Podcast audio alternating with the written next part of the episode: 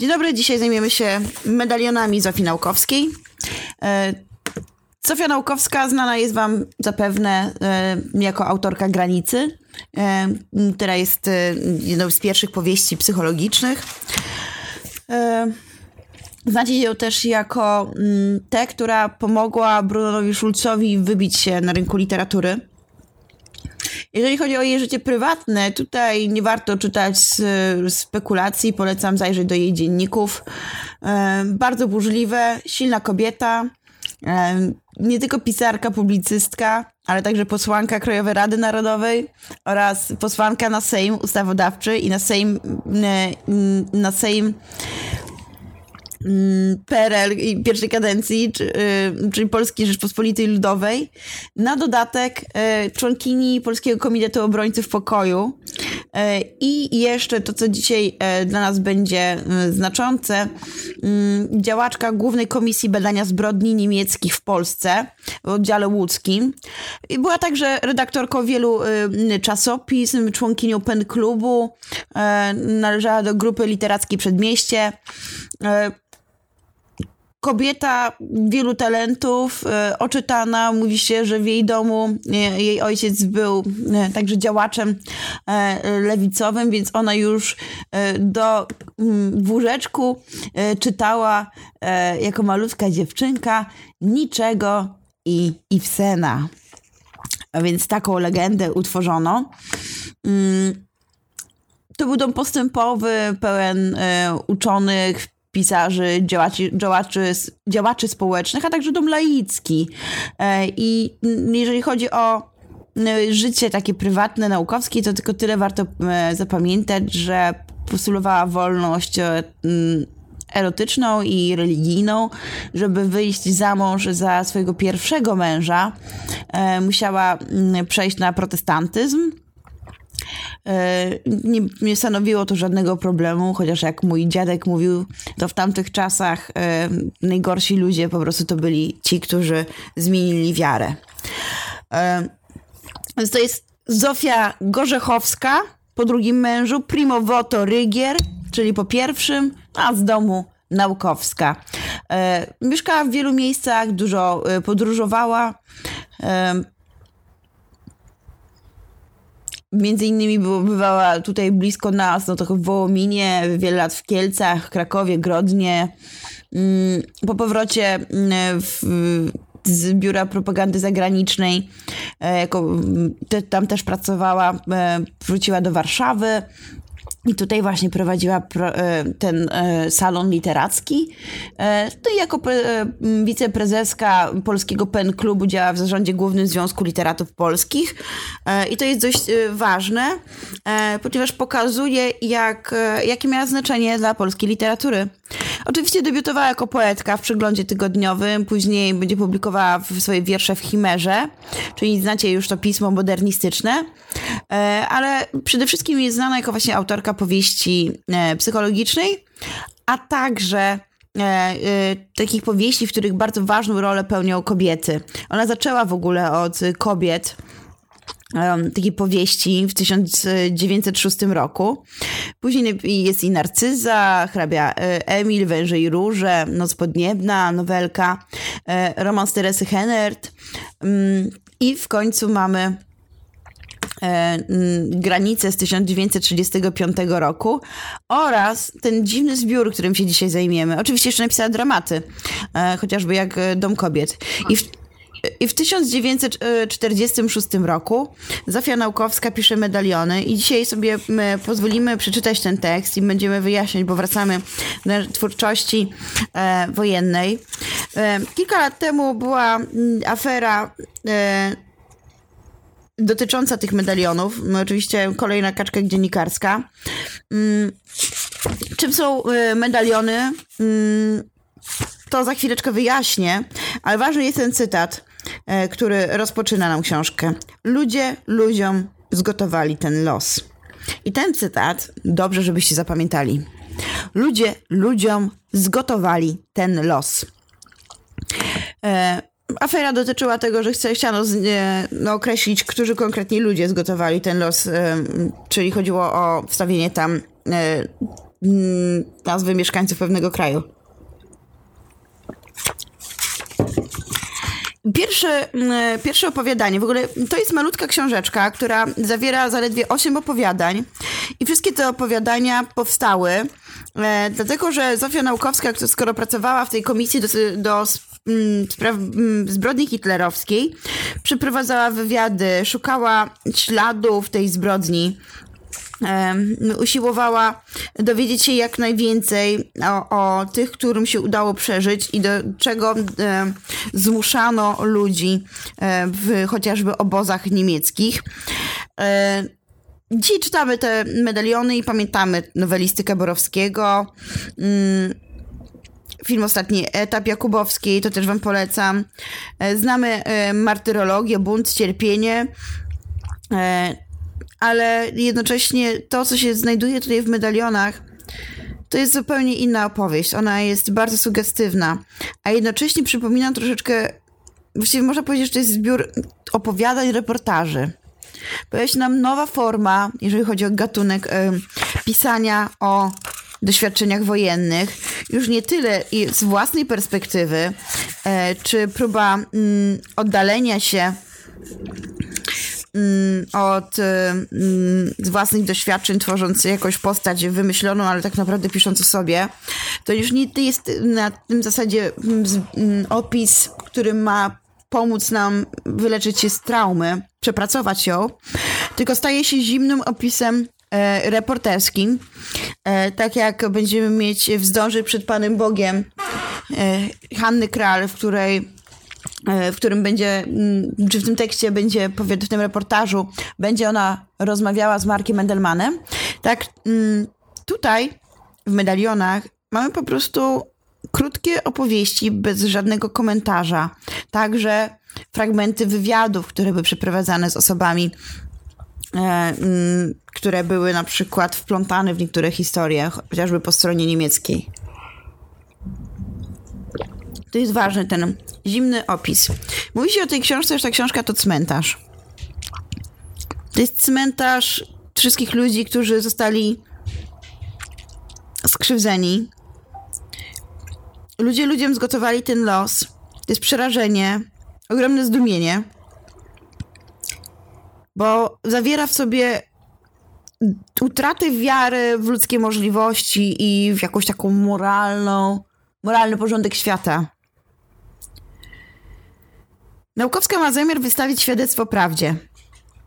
Prawdzie o mechanizmach faszyzmu, o zbrodni, a także o tym, kim jest człowiek, jaka jest jego twarz.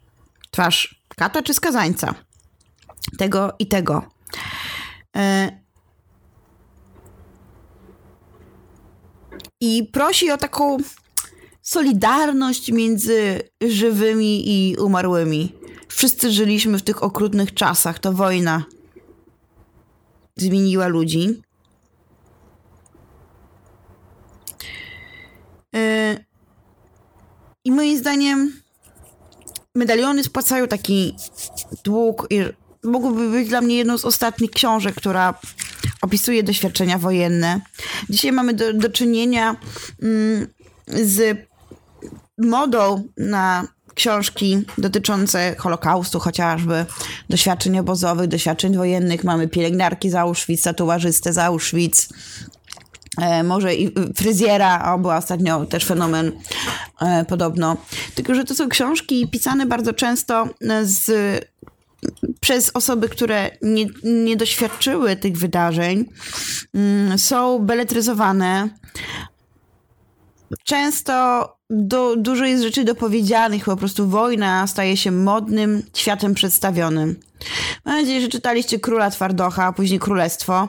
To też jest tak, yy, tak, tylko że akurat tutaj w Królu, w Królestwie już bardziej się skupia na doświadczeniach wojennych i ukrywaniu się, ale w Królu yy, pokazuje nam to, czego yy, na szczęście mm, nie oczekujemy od razu, czyli mamy po prostu boksera żydowskiego, który jest też e, mm, takim hersztem, e, hersztem mafii. Więc króla warto, bo wam polecam, ale myślę, że też sukces króla przyczynił się do tego, że właśnie ciągle słyszymy o tych pielęgniarkach, szewcach, fryzjerach z Auschwitz. W takich książkach, które nieustannie powstają, e, bo znowu mam modne. Teraz e, przedwczoraj widziałam, że wyszedł nawet komiks e, niby dla dzieci, ale nie jest dla dzieci, bo mówi o traumatycznych wydarzeniach. Jest po prostu ładnie narysowany i to jest kolejna historia o tym, jak się żyje po wojnie, przed wojną. Czuję się źle troszeczkę. Mm, kiedy mm, nie wypowiadam się e, pozytywnie na temat e, tych książek, ale po prostu mam wrażenie, że próba zarabiania na doświadczeniach, nie swoich doświadczeniach wojennych, gdzieś, mi, gdzieś mnie ona razi. E, zwłaszcza, że mm, wydaje mi się, że teraz wyczuto, wyczuto, że to jest po prostu modne i że ludzie lubią czytać o doświadczeniach wojennych, chcą się niby dowiedzieć, chcą się trochę bać, usiłują zrozumieć. Myślę, że przede wszystkim te książki mają nam pomóc zrozumieć, bo my nie jesteśmy sobie w stanie tego wyobrazić. Urodziliśmy się już w czasach pokoju. E, ja też, e, bo jestem e, równolatką Bednarskiej. I tylko, że po prostu gdzieś musi być granica między tym, co modne, a tym, co, co ma właśnie nam pomóc ogarnąć historię, doświadczenia ludzkie i przede wszystkim nie doprowadzić do powtórki.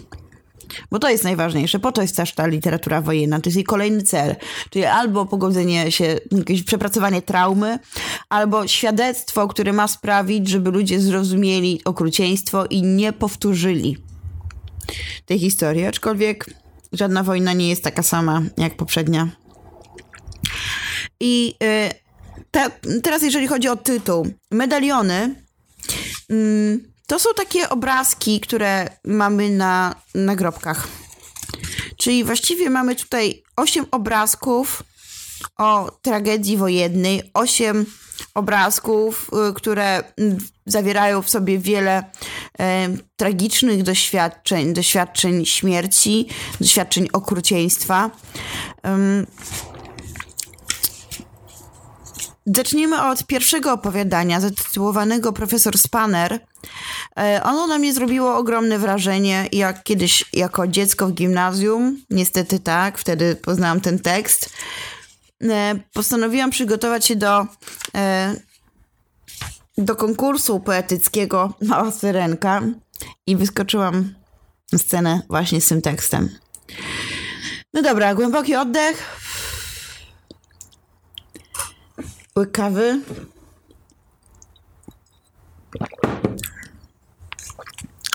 Profesor Spanel.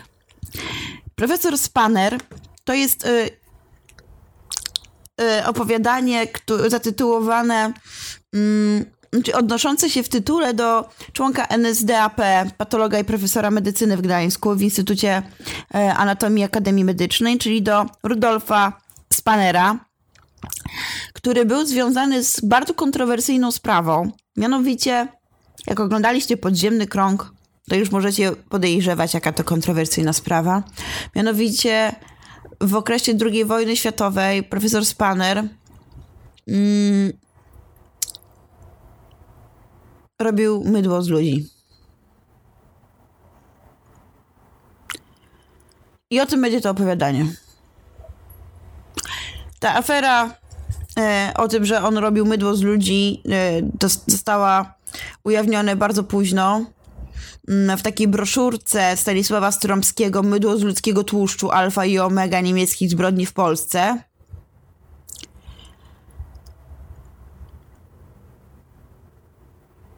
To były takie pseudomedyczne eksperymenty. Preparowano ludzkie skóry. Możecie spotkać e, um, znaczy możecie znaleźć w internecie wiele dokumentów mówiących o tym, e, jak się oprawia książki i robi abażury z ludzkiej skóry. E, e, Naukowska tym opowiadaniem zaczyna bardzo brutalnie. Mm. Instytut Pamięci Narodowej w postępowaniu takim karnym na temat y, tej historii dopiero w 2000 roku stwierdza, że w laboratorium Spanera produkowano mydło z ludzkich zwłok, które miały cechy użytkowe, nadawały się do mycia, do prania i stwierdził, że to y, w Gdańsku było standardem, ale widzimy, że już w 1946 roku Naukowska o tym napisała, tylko nikt nie chciał tego zbadać.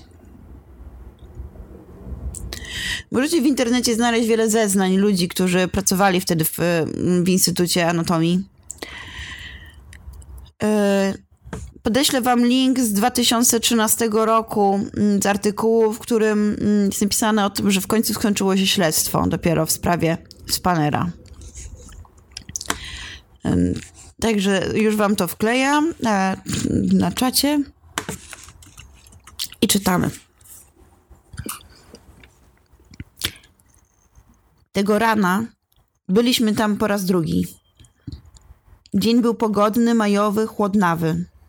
Wiatr od morza szedł rzeźki. Coś sprzed lat przypominał. Za drzewami szerokiej, wyasfaltowanej alei stał mur ogrodzenia. Za nim ciągnął się rozległy dziedziniec. Wiedzieliśmy już, co przyjdzie nam zobaczyć. Tym razem towarzyszyło nam dwóch starszych panów. Ci przyszli w charakterze kolegów z Panera.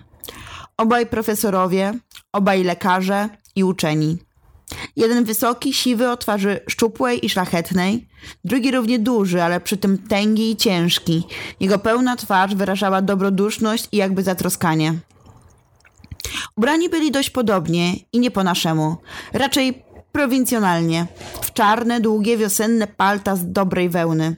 Na głowach mieli miękkie, również czarne kapelusze. Skromny, Nietynkowany domek z cegły stał w rogu podwórza, na uboczu, jako nieważny pawilon dużego gmachu, w którym mieścił się Instytut Anatomiczny. Naprzód zeszliśmy do rozległej, ciemnej piwnicy. W pochyłym świetle, idącym od dalekich, wysoko umieszczonych okien, umarli leżeli jak wczoraj.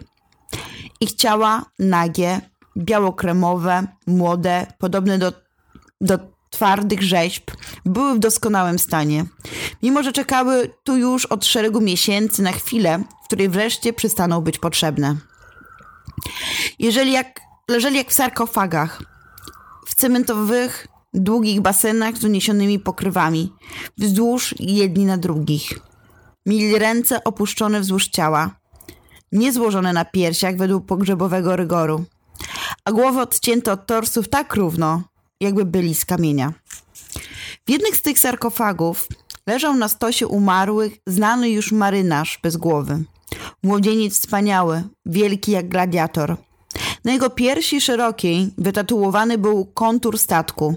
Poprzez zarys z dwóch kominów przechodził napis wiary daremnej. Bóg z nami. Mijaliśmy jeden za drugim baseny pełne trupów. Obaj cudzoziemscy panowie szli także i także patrzyli. Byli lekarzami i lepiej od nas rozumieli, co to znaczy. Na potrzeby Instytutu Anatomicznego przy uniwersytecie wystarczyłby zapas 14 trupów. Tu było ich 350. Dwie kadzie zawierały same głowy bezwłose, odcięte od tamtych ciał. Leżały jedne na drugich, twarze człowiecze, niby zasypane do dołu ziemniaki, jak popadło. Jednym bokiem, jak się leży na poduszce, inne obrócone w dół albo na wznak. Były żółtawe i gładkie, tak świetnie zakonserwowane, tak równiutko od karku odcięte, jak z kamienia. W rogu jednej kadzi spoczywała na wznak ta nieduża, kremowa twarz chłopca, który umierając mógł mieć 18 lat. Lekko skośne, ciemne oczy nie były zamknięte, tylko ledwie spuszczone. Pełne usta, barwy tej samej co twarz, przybrały wyraz cierpliwego, smutnego uśmiechu. Brwi równe i wyraźnie unosiły się ku skroniom, jakby z niedowierzaniem. Oczekiwał w tej najdziwniejszej, przechodzącej jego pojęci sytuacji na ostateczne orzeczenie świata. Dalej były znowu baseny z umarłymi, a później kadzie z ludźmi przeciętymi na pół, pokrajonymi na części i odartymi ze skóry. W jednym tylko basenie leżały osobno i daleko nieliczne zwłoki kobiet. Poza tym w podziemiu obejrzeliśmy jeszcze parę basenów pustych, zaledwie wykończonych, bez pokryw.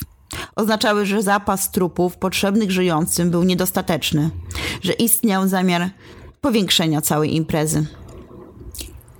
Później z obu profesorami przeszliśmy do Czerwonego Domku i tam widzieliśmy na wyziębłym palenisku ogromny kocioł, pełen ciemnej cieczy.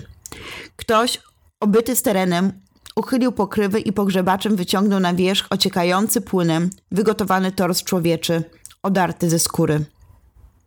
W dwóch innych kotłach nie było nic, ale w pobliżu, na półkach oszklonej szafy, leżały rzędem wygotowane czaszki i piszczele. Widzieliśmy też skrzynie, a w niej ułożone warstwami, oczyszczone z tłuszczu, spreparowane cienko płaty skóry ludzkiej. Na półce słoje z sodą kaustyczną, przy ścianie wmontowany w mur kocioł z zaprawą i duży piec do spalania odpadków i kości. Wreszcie na wysokim stole kawałki mydła białowego i chropowatego i parę metalowych, powalanych zeschłych mydłem foremek. Nie wchodziliśmy już tym razem na strych po drabinie, by oglądać tam zalegający wysoko e, zasypisko, zasyp, e, mm, e, sypisko czaszek i kości. Zatrzymaliśmy się tylko na chwilę w tej części dziedzińca, gdzie widać ślady spalonych całkowicie trzech budynków, szczątki pieców metalowych typu krematoryjnego i bardzo licznych rur i przewodów. Wiadomo, że i czerwony domek podpalono już dwukrotnie. Za każdym razem jednak powstający pożar został dostrzeżony i ugaszony. Weszliśmy razem z profesorami, którzy od razu odłączyli się od nas i prowadzeni przez kogoś nieznajomego udali się w swoją drogę. Przed komisją zeznaje człowiek młody, chudy i blady, o wyraźnych oczach niebieskich, przeprowadzony na badanie z więzienia, nie mający pojęcia, czego od niego chcemy. Mówi z namysłem, poważnie i smutnie. Mówi jednak po polsku, tylko z akcentem obcym, cokolwiek grasejując. Mówi, że jest gdańszczaninem, był w szkole powszechnej, później skończył jeszcze sześć klas i zrobił maturę. Był ochotnikiem, był harcerzem, na wojnie dostał się do niewoli i uciekł. Pracował na ulicy przy śniegu, potem w fabryce amunicji, też uciekł. Rzecz na ogół dzieje się w Gdańsku. Niemiec zamieszkał u jego matki, gdy ojca zabrali do obozu koncentracyjnego. Ten Niemiec dał mu pracę w tutejszym Instytucie Anatomicznym i tak dostał się do profesora Spanera. Profesor Spanner pisał książkę o anatomii, i wziął go na preparatora trupów. W uniwersytecie miał wykłady, taki kurs preparatorski dla studentów. Wydawał swoją książkę. Dla tej książki pracował. Jego zastępca, profesor Wollman, też pracował. Jednak nie można powiedzieć, czy dla jakiejś książki, czy tak. Ta oficyna była wykończona w roku 1943 na palarnią. Spanner wtedy postarał się o maszyny do oddzielania mięsa i tłuszczu od kości. Z kości miały być robione kościotrupy. W roku 1944 profesor Spanner kazał, żeby studenci odkładali tłuszcz z trupów osobno. Co wieczór po skończeniu kursów, jak studenci odeszli, robotnicy zabierali talerze z tłuszczem. Były też talerze z żyłami i z mięsem więc mięso wyrzucali albo palili. Ale ludzie w mieście skarżyli się policji, więc wtedy profesor kazał, żeby palili w nocy, bo za duży smród był. Studenci mieli także powiedziane, żeby skórę całkiem czyściutko już odjąć, później tłuszcz czysto, później według książki preparatorskiej muskuły aż do kości. Tłuszcz wybierany przez robotników z talerzy później y, został leżeć całą zimę, a później jak studenci wyjeżdżali, był przez 5-6 dni wyrobiony na mydło. Profesor Spanner zbierał również skórę ludzką. Mieli ją ze starszym preparatorem von Bergen wyprawiać i coś z niej robić. Starszy profesor von Bergen to był mój bezpośredni przełożony. Zastępca profesora Spannera to Wolman. Profesor Spanner był cywil, ale zgłosił się do SS jako lekarz. Gdzie jest teraz doktor Spanner? Więzień nie wie. Spanner odjechał w styczniu 1945 roku Jak odjeżdżał, kazał nam tłuszcz zbierany w semestrze dalej wypracować. Kazał nam porządnie mydło i anatomię robić i sprzątać, żeby ludzko wyglądało. Receptu nie kazał sprzątać. Może zapomniał. Mówił, że wróci, ale już nie wrócił. Pocztę, jak wyjechał, posyłali mu do Halle Anatomiczny Instytut. Siedzi, zeznając, na krześle pod ścianą, naprzeciwko okien w świetle. Jest całkowicie widoczny w swoich zastanowieniach i namysłach, w usilnej chęci, aby dokładnie powiedzieć wszystko, jak było, by nie opuścić nic. On jest jeden, a nas jest osób kilkanaście, członkowie komisji, miejscowe władze, sądownicy. Nadmiar gorliwości sprawia, że niekiedy bywa niejasny. Co to jest recept? Recept wisiał na ścianie. Asystentka, która była ze wsi, przywiozła stamtąd recept na mydło i wypisała. Nazywała się Kojtek. Asystentka techniczna. Ona też wyjechała, ale nie do Berlina. Oprócz receptu była jeszcze notatka na ścianie. To napisał von Bergen. Ona dotyczyła zupełnego oczyszczania kości do wyrobu kościotrupów, ale kości się nie udały, zniszczyły się. Albo była za duża temperatura, albo za silny płyn. Zatroszczył się jeszcze tym dawnym kłopotem. Mydło z receptu zawsze się udało. Tylko raz się nie udało. To ostatnie, co leżało w palarni na stole. Ono nie jest udane. Produkcja mydła odbywała się w palarni. Kierował produkcją sam dr Spanner ze starszym preparatorem von Bergen. Z tym, co jeździł po trupy. Czy jeździłem z nim? Tak jest. Jechałem tylko dwa razy i do więzienia w Gdańsku też raz. Trupy przywozili naprzód z domu wariackiego, ale później nie starczyło tych trupów. Wtedy Spanner rozpisał wszędzie do burmistrzów, żeby trupów nie grzebać, tylko że prześle po zwłoki instytut. Przywozili ze Stutthofu, z obozu, z Królewca na śmierć skazanych, z Elbląga, z całego Pomorza. Dopiero jak w gdańskim więzieniu wystawili gilotynę, to już było dosyć trupów. Przeważnie to były trupy polskie, ale raz byli wojskowi niemieccy, ścięci w więzieniu podczas uroczystości. A raz przywieźli cztery czy pięć trupów i nazwisko było rosyjskie. Trupy von Bergen przywoził zawsze w nocy. Co to była za uroczystość? Uroczystość była w więzieniu. Poświęcenie gilotyny. Zaproszony był szef Spanner i różni goście. Szef wziął starszego preparatora von Bergen i mnie. Dlaczego mnie wziął, nie wiem, bo nie byłem zaproszony. Goście przyjechali autami i przyszli piechotą, weszli do tej sali, ale my tam nie weszliśmy, tylko musieliśmy czekać. Myśmy już oglądali gilotyny i szubienice do wieszania. To wtedy byli ci czterej wojskowi niemieccy skazani na śmierć. I podobno święcił ksiądz niemiecki. Widziałem, jak wypuścili jednego więźnia. Kajdanki miał z tyłu, boso, czarne nogi, tylko spodnie, a taki był nagi. Była fioletowa zasłona, za nią drugi pokój i prokurator. Starszy preparator rozmawiał później z katem i opowiadał. Więc słyszeli mowę prokuratora, szum, jakieś rozciąganie, tupanie, jakby ktoś biegał. I uderzyło żelazo. Kat meldował, że wyrok wykonany, a my już widzieliśmy, jak czterech trupów wynieśli w trumnie otwartej. Czy to był ksiądz przy tym poświęceniu? Ja nie wiem. Ale mówili, że jeden wojskowy w mundurze to był ksiądz. Na jeden raz to z tego więzienia von Bergen przywieźli z Wolmanem 100 trupów. Ale później Spanner chciał trupów z głowami. Nie chciał też rozstrzelanych, za dużo koło nich było roboty, zawsze zaśmiardły. Jeden na przykład niemiecki wojskowy przyszedł skazany na śmierć. Ten miał nogę złamaną i postrzeloną, a był też i bez głowy. Wszystko naraz. Zakładu wariackiego to były trupy z głowami. Spanner chował zawsze trupy na zapas, bo jak później było za mało trupów, więc wtedy już musiał brać trupów bez głów. Ten wielki marynarz bez głowy jest z gdańskiego więzienia. Trupy przecięte w pół są dlatego, że całe nie chciały wejść do kotła, nie chciały się zmieścić. Człowiek jeden dla, dla tłuszczu może z 5 kg. Tłuszcz przechowywał się w palarni w basenie kamiennym. Ile? Myśli długo, chce być jak najbardziej dokładny. 1,5 cetnara. Zaraz jednak dodaję. Tak było dawniej. Ale ostatnim razem było mniej. Jak już zaczęli cofać się do Rzeszy, to był może jeden cetnar. O produkcji mydła miał nikt nie wiedzieć.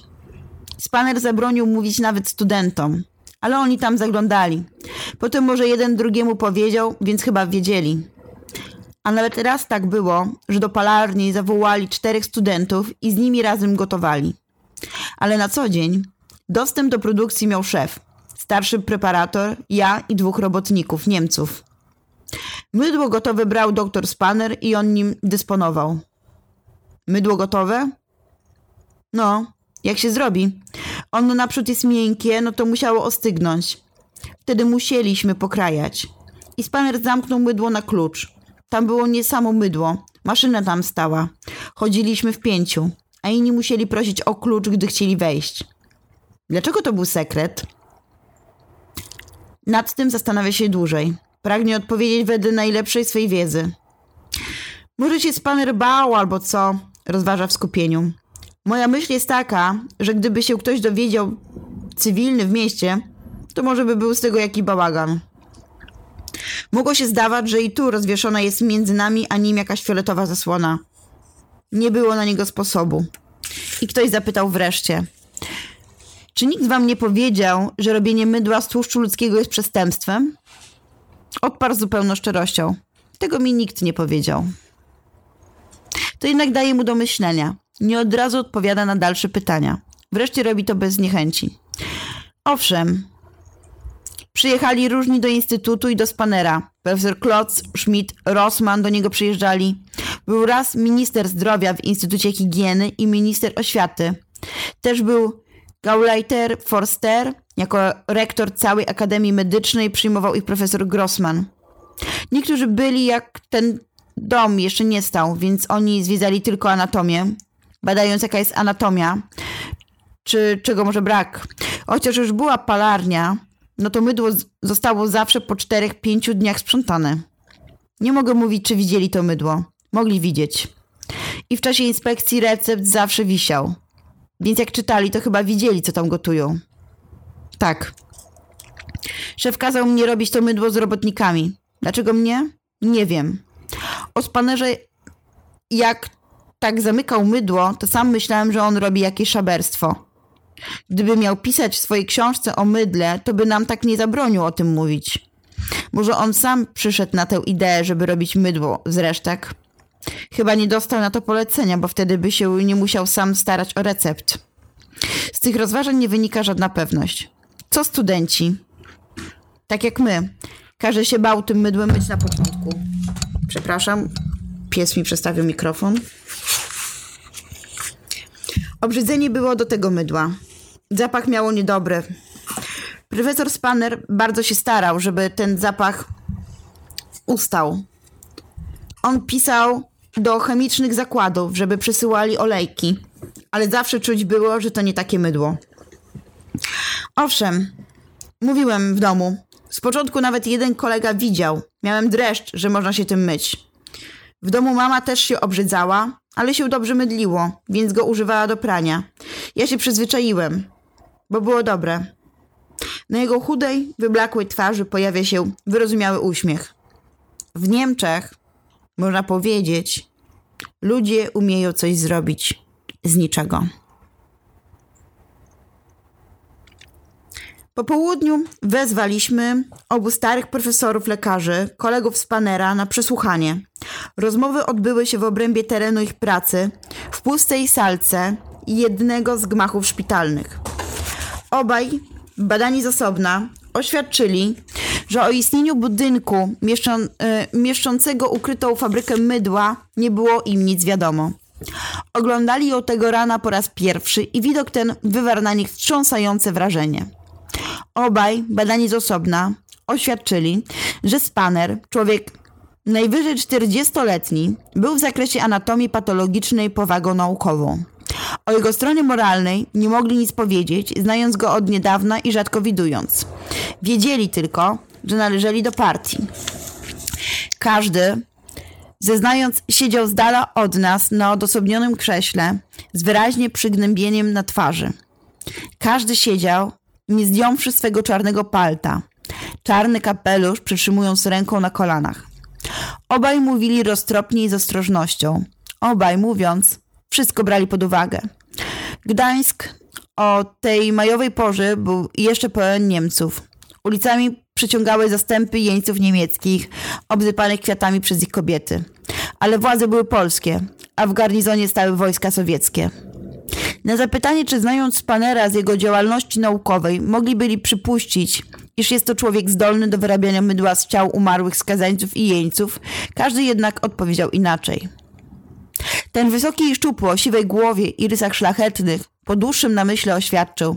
Tak, mogłem był to przypuścić, gdybym wiedział, że taki otrzymał rozkaz. Był bowiem, wiadomo, był karnym członkiem partii. Drugi, ten tłusty, ciężki i dobroduszny, o cerze różowej i wiszących policzkach, także namyślał się długo i po namyśle. Wszystko niejako zważywszy w swoim sumieniu odpowiedział. Owszem, mogłem to przypuścić. Z tego mianowicie powodu, że Niemcy przeżywały wówczas wielki brak tłuszczów, więc wzgląd na stan ekonomiczny kraju, na dobro państwa, mógł go do tego skłonić. To był pierwszy nagrobek, pierwszy cmentarz, pierwszy medalion dla tych, którzy zostali przerobieni na mydło.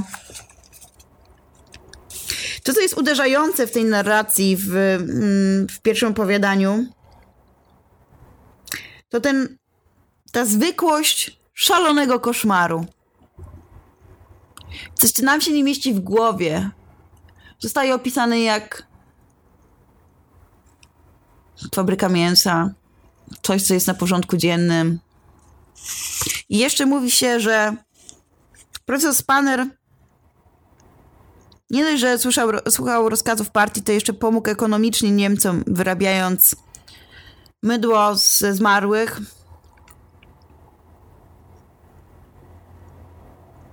Całe Niemcy się nimi myły, tymi mydłami.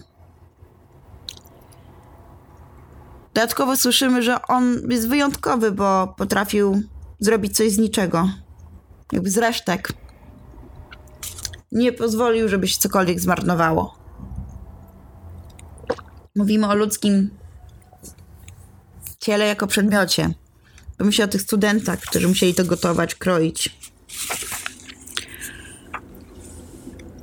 Właściwie w medalionach mamy pokazaną przeróżne techniki ludobójstwa a także takiego ludobójstwa niekoniecznie e, doprowadzającego bezpośrednio do śmierci, do morderstwa, tylko też takiego ludobójstwa w nadziei, e, że w sensie zabijania nadziei. Przekracza się granice tego wszystkiego, co ludzkie. Przeczytam wam jeszcze jeden taki dla mnie chyba najbardziej szokujący medalion nagrobny. Um,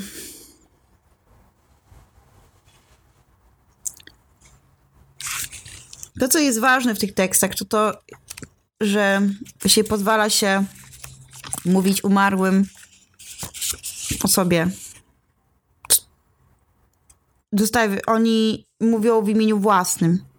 Nieporadnie, nie dobierają słów, powtarzają się, jąkają. To jest zapisane ale też jednocześnie mówią w swoim imieniu i w imieniu milionów zgładzonych ludzi w obozach koncentracyjnych. Dają świadectwo. Zanim powstają, powstaną pomniki, muzea, mauzolea, zanim sędziowie i naukowcy i mm, mm, literaci zaczną opisywać ich dzieje. Przed nami, ja bym chciała teraz przeczytać um, trzeci medalion zatytułowany Kobieta cmentarna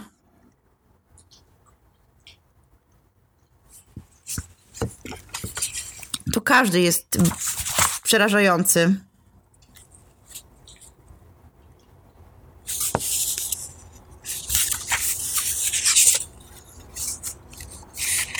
Nawet trudno wybrać. Yy, a nie. Przeczytam wam może najpierw dno. Dno zatem. To co pani naprzód to powiedzieć? Zastanawia się przez chwilę. Sama nie wiem. Jest siwa, raczej ładna, zaokrąglona i miękka. Jest bardzo zmęczona. Przyszła takie rzeczy, w które nikt by nie uwierzył, i ona sama nie uwierzyłaby także, gdyby nie to, że to jest prawda. O nic jej nie chodzi, tylko o życzliwość. O to, żeby ludzie byli dla niej życzliwi. Bo dużo przeszła i jest matką, która straciła dwoje dzieci. Nie wie na pewno, czy umarły, ale od dawna nic nie wiadomo, co z nimi jest. Syn dotąd nie wrócił z niewoli, a ci koledzy, którzy wracają, mówią, że go nie widzieli, a córka. To jest daleko cięższa sprawa, od której zawlekają się łzami jej łagodne, szare, duże oczy. Łatwo jej o te łzy, które występują, a później nikną, nie spływając wcale na policzki. O mężu też nic nie wie. Ostatni raz ludzie widzieli go w obozie w Pruszkowie, ale to był już starszy człowiek, starszy, chociaż od niej młodszy o trzy lata. Jest zupełnie sama i ludzie powinni być dla niej, jak, dla niej życzliwi. Starsi ją tu pamiętają, owszem, ale młodzi o tym tylko myślą, by im nie weszła w drogę. To co pani naprzód opowiedzieć? Powtarza, przymykając oczy ze zmęczenia. W Ravensbrück nas, owszem, męczyli. Znęcali się zastrzykami, wyrabiali na kobietach praktyki, otwierali rany. I to ich doktorzy robili, inteligencja. Ale tam byłyśmy niedługo, tylko trzy tygodnie. Stamtąd zabrali nas do innego lagru, do fabryki amunicji. Córka też, owszem. Właśnie wszędzie byłam z córką. Razem nas od pierwszej chwili zaaresztowali. Aż dopiero wracając zgubiłyśmy się w drodze. Zatrzymali ją i jeszcze parę dziewcząt zatrzymali. Może było z dziesięć tych dziewcząt. Mówi głosem przyciszonym. Mnóstwo słów szybkich, drobnych, sypiących się łatwo i smutno. Wspomnień o córce jest dużo. Była dobra, była ładna, była zdolna, uczyła dzieci, należała do organizacji, syn także. Bały się zawsze, gdy wracał późno do domu, długo po godzinie policyjnej. Rzucał piaskiem o szybę. Spuszczały mu sznur i tak wchodził przez okno, żeby się dozorca nie dowiedział. Drżała ze strachu, że ktoś wreszcie musi to zobaczyć, że to się wyda. Jego też wzięli, ale nie razem z nimi. Jego wzięli z powstania.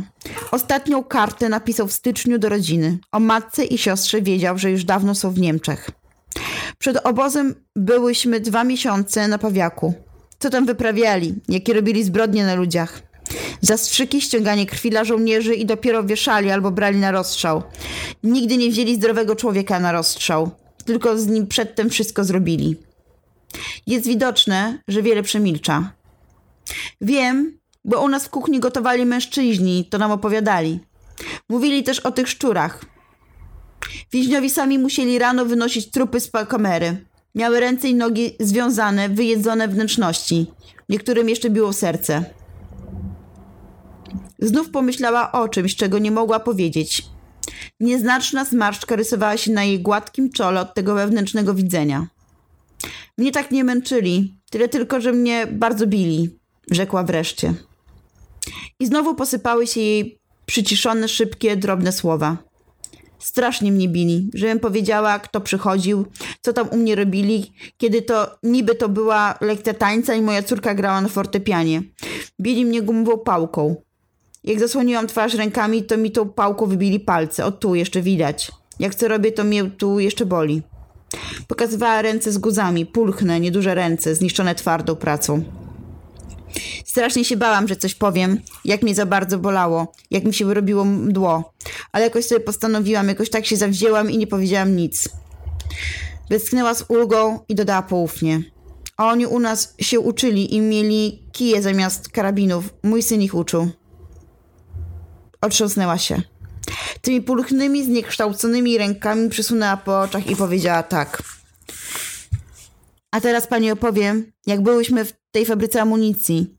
Tam miałyśmy co dzień 12 godzin pracy przy maszynach. Spałyśmy w lagrze. Ten nowy lagier nazywał się jakby Bunzik.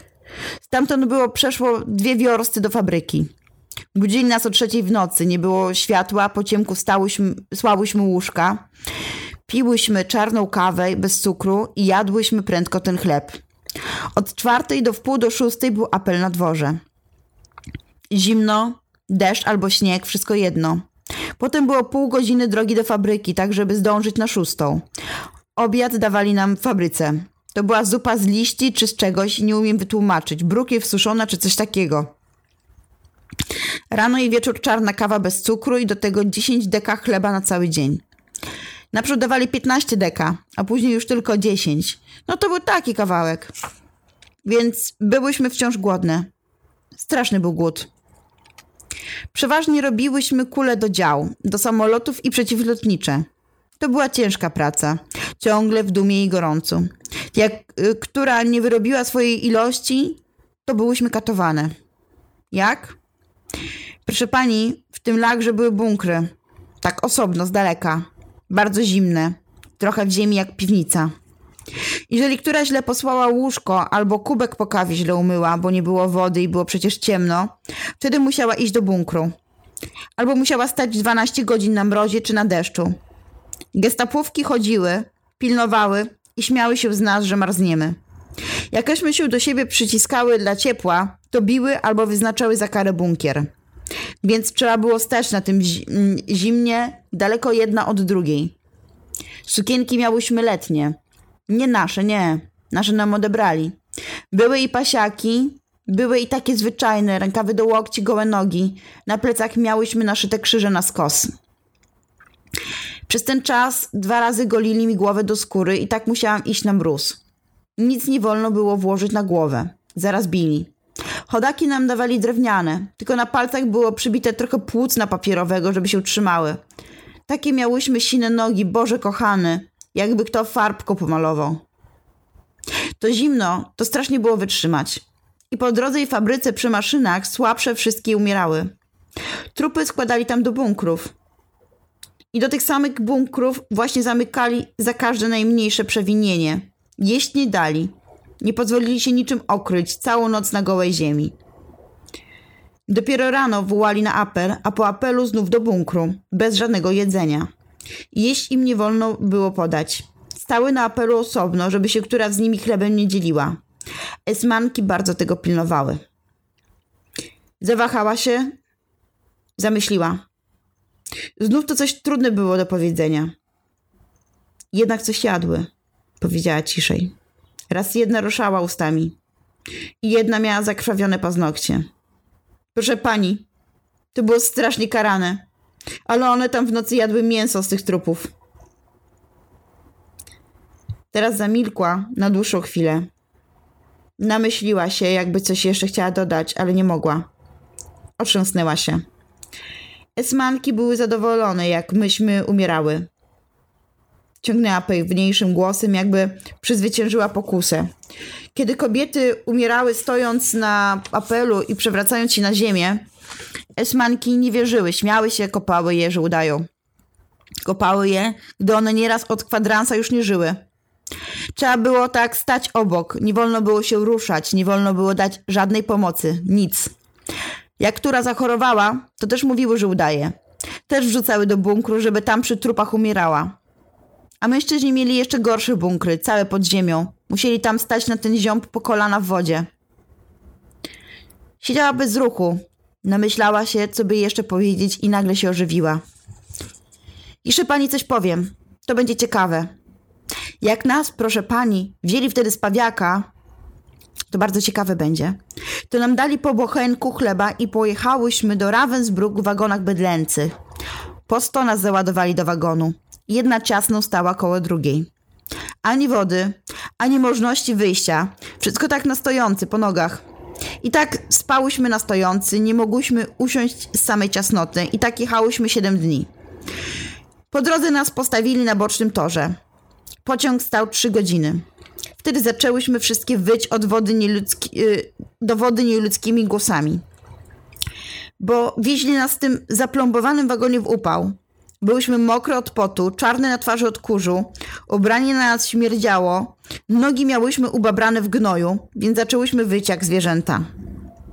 Wtedy przyszedł niemiecki oficer od drugiego pociągu, który wiózł rannych żołnierzy i kazał wagon otworzyć. Ale nas konwojowali Ukraińcy i powiedzieli, że nie wolno, że to jadą bandyci. Wtedy on zawołał drugich oficerów, bo był ciekawy, co tam jest. Odplombowali wagon i wtedy nas zobaczył. Proszę pani, jak nas zobaczył, jego oczy zrobiły się okrągłe, ręce tak rozczapierzył ze strachu. Tak, tak się nas przeląkł. Wyglądał jak dziki. Dopiero za jakiś czas spytał się, czy która mówi po niemiecku albo po francusku. Wiele mówiło.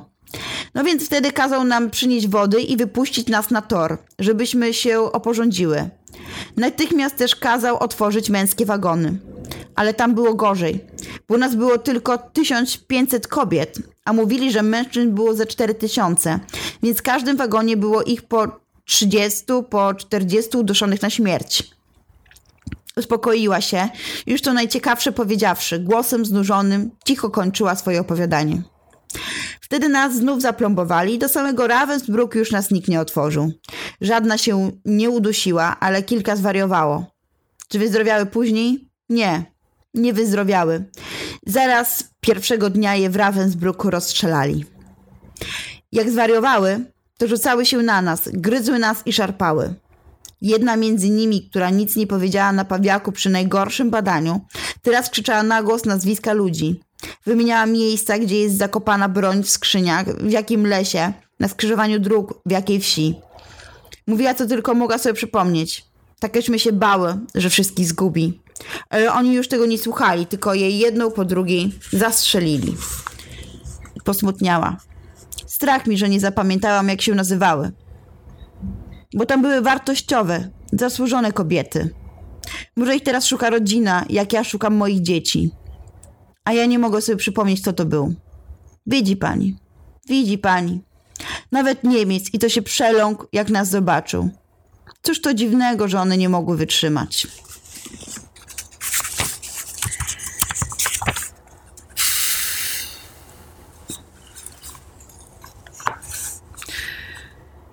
Przeczytam wam fragment posłowia. I pozwolę sobie już więcej nie komentować medalionów naukowskich, tak jak i naukowska jest narratorem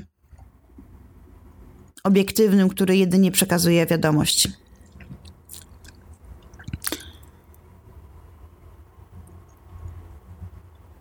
Oto zapisy z, sprzed lat z górą 30. Pierwszy poczyniono 7 maja 1944 roku w czasie wędrówki po warszawskim cmentarzu pod chmurą nalotów. Zapis brzmi. Wracałam aleją grobów szpale, z szpalerem nagromadzonych trupów, znajome nazwiska, sylwetki, medaliony. I refleksja druga. Z lipcowego dnia owego roku 44, czasu powstania warszawskiego, kiedy nadchodzą już dni ostatecznej walki, zbliża się ofensywa, lecz finał niewiadomy. Ludzie ludziom gotują ten los. Ludzie są wszystkim na świecie i niezależnie od swych wartości, niezależnie od swych do tego tytułów, tylko ludzie stanowią o rzeczywistości. Dobyłem tych kilka zdań z dzienników czasu wojny Zofii Naukowskiej, wydanych w 1970. Uczyniłem tak, gdyż pierwsze jej spostrzeżenie zapowiada tytuł tomu prozy, który wydała w roku 46. Wcześniej już kilka miesięcy po wyzwoleniu, powierzając kolejne nowele prasie literackiej. Druga refleksja pisarki zapowiada zdanie, jakie znajdziemy w przesłaniu medalionu, w formule cytowanej setki tysiące razy. Ludzie ludziom zgotowali ten los. Medaliony to zaledwie kilkanaście stroniczek prozy, jedynej w swojej ostatecznej ascezie. Prozy o dniu zwykłym, o dniu koszmaru, o nich, mechanizmach mordowania człowieka i zabijania nadziei, o technikach ludobójstwa, o przekraczaniu granicy tego, co ludzkie. Kilka medalionów nagrobnych, które ocaleni zwierzają żyjącemu światu.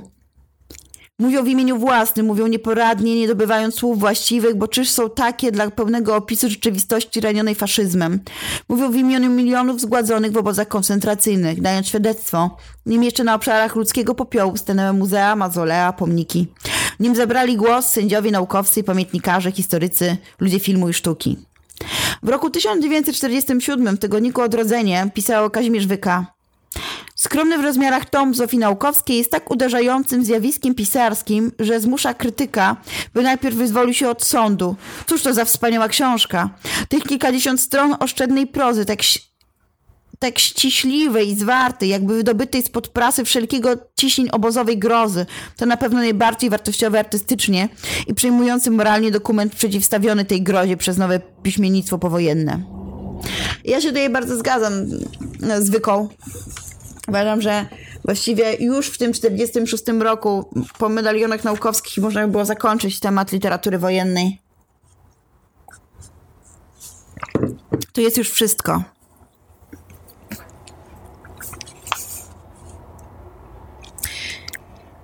tego, kto zna twórczość wcześniejszą naukowskiej, jak chociażby granice, może zastanowić całkowita odmiana stylu. Nie ma już tutaj takiego echa młodopolskiej liryki, nie ma już e, mm, obrazowania, antropologizacji, nie ma, jest oczywiście behawioryzm, bo mówi się o zachowaniach ludzkich, to nadal fas, fascynuje naukowsko-behawiorystkę, ale tutaj mamy zdania krótkie, zwięzłe. Czytelnik staje się świadkiem i komentatorem tego śledztwa o zbrodni.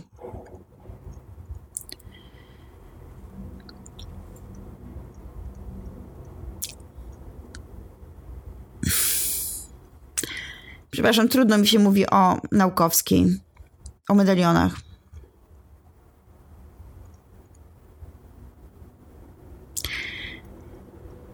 W kobiecie cmentarnej pada taki fragment, że rzeczywistość jest do zniesienia, gdyż jest niecała wiadoma. Dociera do nas w ułamkach zdarzeń, w strzępkach relacji. I wydaje mi się, że właśnie naukowskiej udaje się tym strzępkami relacji, fragmentami tych rozmów powiedzieć najwięcej o okrucieństwie, jakie ludzie sobie są w stanie wyrządzić.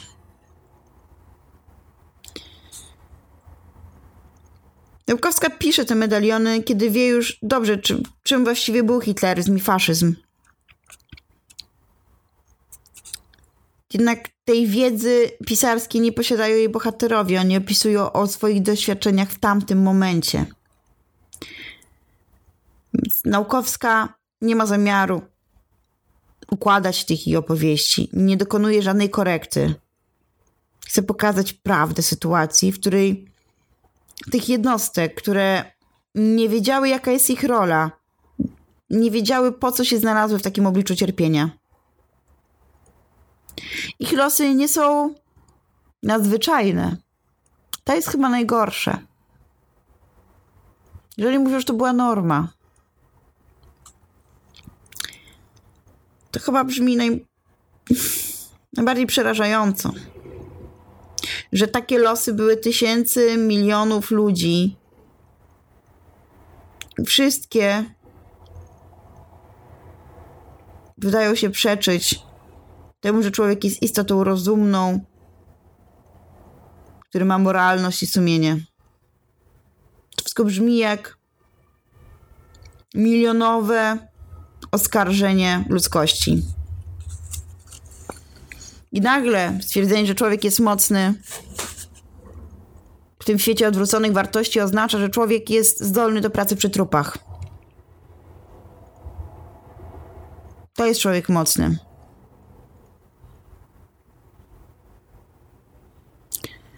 Nie ten, który przeżył. Dlatego, że był dobry, tylko ten, który przeżył, bo nie było już dla niego żadnej, żadnego oporu. Po prostu wykonywał zadania.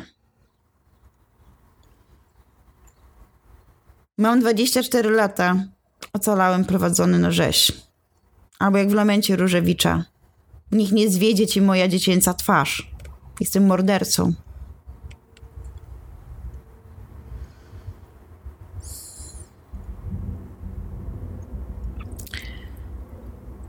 W medalionach warto jest, żebyście sobie jeszcze zapisali, że to są same fakty. Ta krytyk nie ma tutaj nic do powiedzenia. Nie można krytykować historii. To są fakty opowiedziane przez ludzi, którzy tam byli, nie z drugiej ręki,